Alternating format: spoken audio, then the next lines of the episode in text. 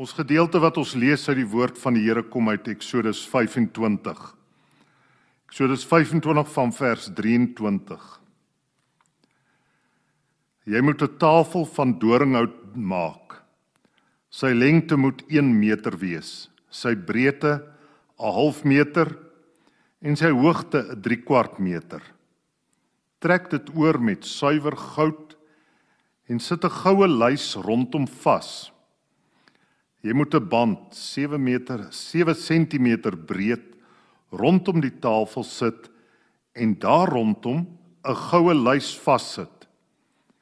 Jy moet 4 goue ringe vir die tafel maak en dit aan die vier hoeke vassit reg oor die vier pote.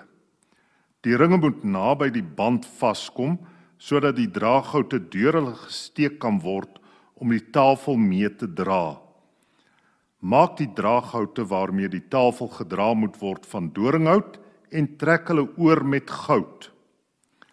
Maak vir die tafel skottels, panne, kanne en komme, alles van suiwer goud. Gebruik dit om die drankoffer mee uit te giet. Sit offerbrood op die tafel. Dit moet altyd daar voor my in my teenwoordigheid wees. Ons fokus veral ook op hierdie laaste woorde as die Here sê dit moet altyd daar voor my in my teenwoordigheid wees. Die Here wys hiermee dat hy heeltemal anderste as die afgode is. Daar is 'n bekende verhaal in die apokriewe boeke wat vertel van 'n priester wat vir die afgod elke dag 'n offer van kos gebring het. En aan die volgende oggend was daai offer weg. En toe daar 'n profeet van die Here gekom en gesê maar dit werk nie so nie en hy het meel op die tempelvloer gegooi. En toe kom hulle agter maar ja, daar as hy priester die offer bring die aand dan kom sluip hy terug en hy vat daai kos en hy eet dit self op. Nou die Here is nie so nie. Die Here sê nie vir Moses maak hierdie tafel met brode want ek is honger nie. Die Here is nie honger nie. Inteendeel in Psalm 50 sê hy alles behoort aan my. Die diere in die lande, die diere in die bos, alles is myne. Ek vra nie dat julle my moet moeg maak met julle offers nie, sê dikwels in die Bybel. Wat ek wil hê, die offer wat ek wil hê, is lof. So die Here sê nie bring vir my kos nie. Nee, die Here sê ek gee vir julle kos. Hy sê ek is nie die een wat gevoer moet word nie. Ek is die een wat julle aan die lewe hou, wat vir julle kos gee soos wat julle nodig het. En dit is wat hierdie tafel met die toonbrode vir die Israeliete wys dat die Here sorg vir ons. Hy voed sy volk. Daarvan kan hulle getuig as hulle by die berg Sinaai gekom het, dan het hulle al 'n lang pad deur die woestyn gegaan en die Here het op 'n wonderbaarlike manier vir hulle kos gegee. Hy het vir hulle manna uit die hemel laat val. En dit wys hy dan met hierdie tafel wat hy laat gereed maak. Met die eetgerei, die komme en die kanne en die bekers waarin die drankoffer uitgegiet word. Hy sê dis ek wat vir julle 'n maaltyd gee. En julle moet dit gebruik. Baie keer hoor 'n mens dat mense gesê word die Here het jou nodig. Nou dit is nie waar nie. Die Here het jou nie nodig nie. Dit is wel waar dat die Here jou wil gebruik. En wat nog meer waar is, jy het die Here nodig. Jy het nodig om by die tafel van die Here te kom dat jy sy kos eet. Want dan gaan jy werklik versadig en versterk word. Die Here laat 'n tafel bou. En daarmee sê hy dat dat hy voer ons nie soos wat 'n mens diere voer of 'n klomp hoenders jy gooi net die kos dat hulle nou maar vreet en vreet soos hulle kan nie. Nee, die Here sê kom, kom sit by my en eet saam met my. Dit is tog die teken van verskoon, dit is die teken van van saam eet in die Bybelse tyd en ook in ons tyd dat dat saam eet is 'n gemeenskapsmaal. Want dan praat 'n mens met mekaar. Jy leer mekaar ken. Nie dat die Here nodig het om ons te leer ken nie, maar ons het nodig om hom te leer ken, om hom steeds beter te verstaan, om nader na hom toe te kom. En hy sê, kom eet by my. Kom groei saam met my. Omdat die Here vir ons kos gee, sê Jesus ook moenie besorg wees nie. Moenie vra wat sal ek eet, wat sal ek drink, wat sal ek aantrek nie. Want iemand 'n gas 'n koningskind by die Here hy sal nooit honger wees nie. En as hy honger is, leer hy soos Paulus sê in Filippense leer hy dit hanteer. Paulus sê in Filippense 4 ek weet om gebrek te ly, ek weet ook om oorvloed te hanteer. Ek is tot alles in staat deur Christus wat my krag gee. So moenie bekommerd wees nie. Maar vra. En dit moet ons ook doen, ons moet vra al weet ons die Here gee dit, net soos ons moet vra vergewe ons ons sonde Al weet ons die Here vergewe dit, moet ons vra, gee ons vandag ons daaglikse brood. En ons weet hy versorg ons. Hy gee wat ons nodig het. En wat ons die meeste nodig het is nie net brood om aan die lewe te bly nie. Wat ons die meeste nodig het is sy woord as jy nie sy woord inneem nie. Jesus sê ook aan die duiwel as die duiwel hom kom versoek, sê hy vir die duiwel mens leef nie van brood alleen nie, maar van elke woord wat uit die mond van God kom. En as jy nie genoeg van die woord kry nie, dan is jy ondervoed. En dan is jy nie die mens wat jy behoort te wees nie. Maar die Here gee brood. En dan kom Jesus en hy sê ek is die brood wat lewe gee. Nadat hy die brood vermeerder het, dan kom die Jode na hom toe en sê: "Is jy meer as Moses? Moses het vir ons manna in die woestyn gegee. Wat kan jy doen?"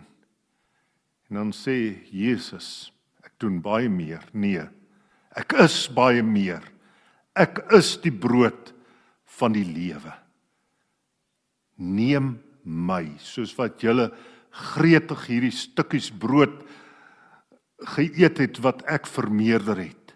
So met dieselfde honger, nee, 'n groter honger moet julle my inneem want ek is die brood van die lewe. En hierdie brood wat ek julle gee, is 'n ewige brood. Dit dit is nie 'n brood waarna wat jou 'n rukkie aan die lewe hou nie, dit gee die ewige lewe. En as 'n mens die Here Jesus inneem, soos wat jy brood inneem, as jy in gemeenskap met hom leef, dan sê daar gebeur 'n wonder. Hy beskryf dit in Johannes 6. Hy sê wie hierdie brood eet, hierdie brood wat uit die hemel kom, hierdie brood wat Jesus Christus is. Hy sê ek gaan in hom bly en hy in my. die Here Jesus beloof dat hy ons werklik 'n nuwe samestelling gaan gee. Dat dat ons 'n nuwe mens word waar ons 'n mens in Adam was wat in Adam gewoon het, word ons nou 'n mens wat in Christus woon. Ons hele identiteit verander.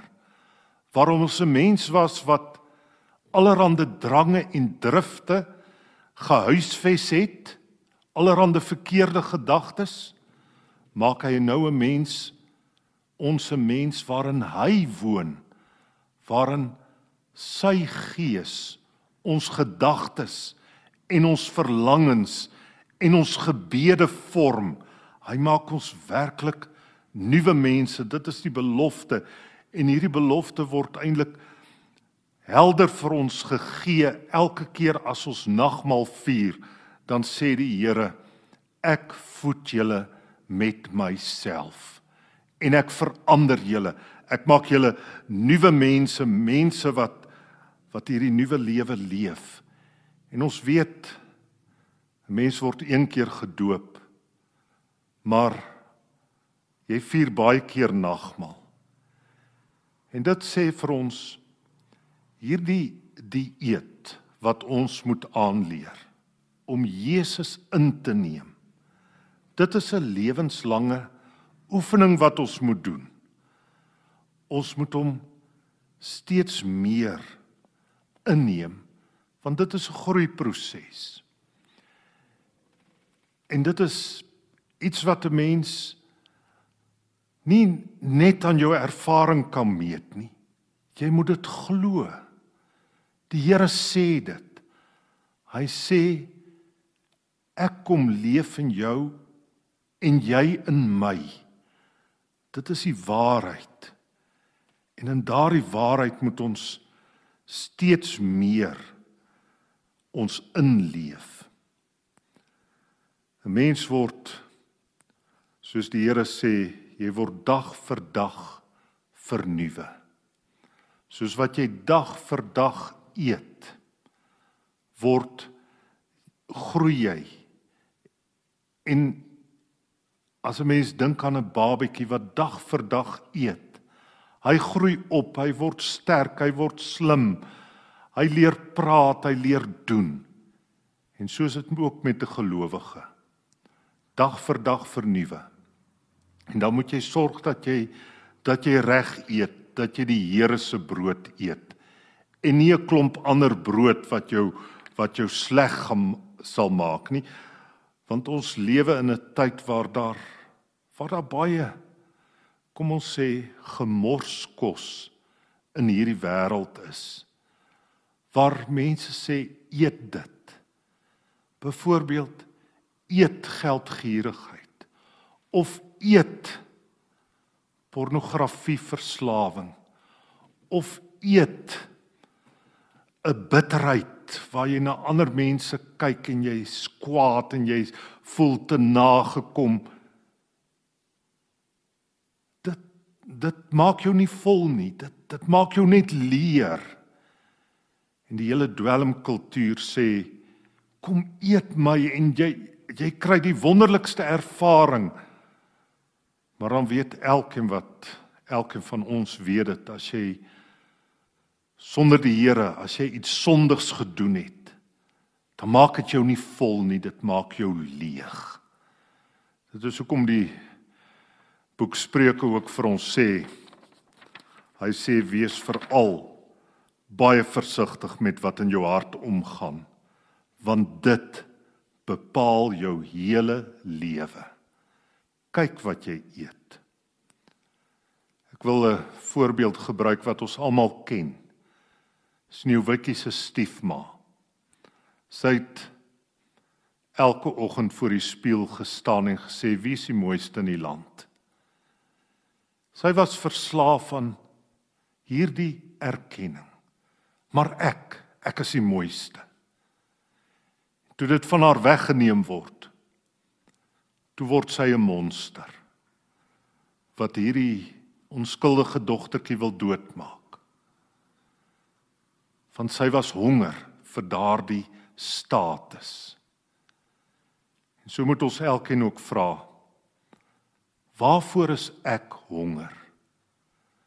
Wil ek hê ek moet 1000 likes op Facebook kry? Is dit my honger? Wil ek hê mense moet net goed van my praat? Wil ek hê mense moet jaloers op my wees omdat ek die mooiste of die rykste of die oulikste of die mees populêre is? Daardie honger maak jou nie vol nie. Dit maak jou leeg. Dit is net die lewe in Christus wat jou honger werklik stil. Die Here sê vir Moses: "Maak hierdie tafel."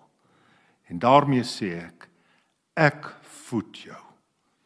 Ek voed jou uiteindelik met die lewende brood met Jesus Christus. En uiteindelik weet ons daar kom 'n tyd wat ons nooit weer honger sal wees nie. En die Here Jesus hy leef sy lewe as 'n versadigde mens. En dan lees ons in Johannes 4 as hy met die Samaritaanse vrou by die put praat.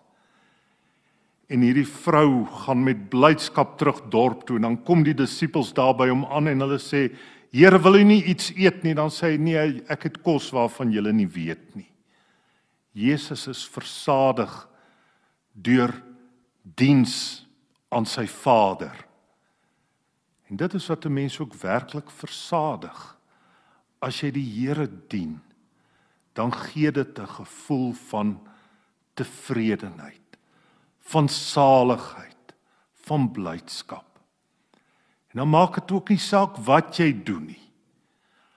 As jy saam met die Here in hierdie verkeer tussen 'n klomp mense wat so onbeskof ry, as jy saam met die Here ry en jy voltooi jou reis sonder om te vloek of te verwens of te verwyd of kwaad te word. Dan gee dit jou versadiging dit gee jou vrede. Terwyl as jy gereis het en jy het geskreeu en gevloek en geswets dan voel jy leeg. Die diens aan die Here versadig jou werklik. En dit is wat die Here ons gun. Hy gun ons om alles te doen saam met hom. Want dan word ons vol. En hoe meer ons saam met hom lewe, word ons vol. En dan in die laaste plek, 'n versadigde mens is ook 'n versorgende mens. Hoe meer jy versadig is, hoe meer is jou oog oop vir honger mense in hierdie wêreld. In Handelinge 6 lees ons van die eerste gemeente dat hulle het mekaar versorg, hulle het hulle goedere verkoop, hulle het na die weduwees omgesien. Hulle het hulle was bekommerd daaroor dat daar mense is wat oor die hoof gesien word en hulle het planne daarvoor in die werk gestel om dit reg te stel. En dit is wat gelowiges nog steeds wil doen. Ons wil die honger mense in ons lewe raak sien en hulle help soos wat ons moet, soos wat ons kan. Ons wil ontdek wat die Here ook sê, is saliger om te gee as om te ontvang want dit is hoe hy is. Hy het gegee en hy is die mees saligste. Jesus werk deur sy kerk om hierdie honger wêreld te voed. Hy doen dit op verskillende maniere, maar hy kyk veral na die geestelike honger. As hy gekruisig word, dan sien hy hierdie honger mense wat besig is om hom te kruisig en hy bid Vader vergeef hulle. En daarmee bid hy eintlik Vader versadig hulle met myself dat hulle gevoed kan word. Hy sien sy ma Maria en hy sien haar leegheid as haar aangenome seun die seun van God wat sy die voorreg gehad het om as 'n maagd in die wêreld te bring. As hy sterf dan sê hy Johannes kyk na haar. Versorg haar. En ons wat deur die lewende woord gevoed is ons is mense wat geroep is in hierdie hongerde wêreld want ons is mense wat weet waar brood in oorvloed is. Ons weet daar is veel meer. As die tafel met sy 12 toonbrode. Ons weet daar is Jesus. Die brood wat die lewe gee. Die brood wat honger wêreld nodig het. Ons weet dit en ons moet bid om om mense dit ook te laat weet. Amen. Kom ons bid saam.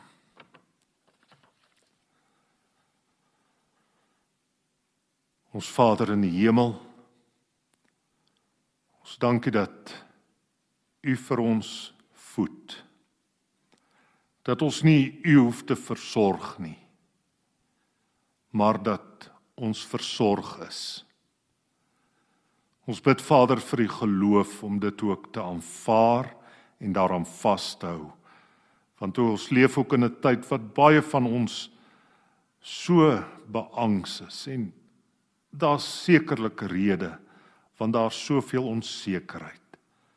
Maar bo al hierdie onsekerheid is daar die versekering. U sorg vir u kinders tot aan die einde. En ons dank U vir die oorvloed van U versorging dat ons dit kan hê in Christus. En ons dank U Vader vir die genade wat U ons mee toevertrou dat ons ook die lewende brood mag uitdeel. Ons bid Vader dat U deur die Gees ons ook die krag gee en die getrouheid en die deernis, daardie gees van Christus om dit te doen met blydskap. Ons bid dit in die naam van ons Here Jesus. Amen.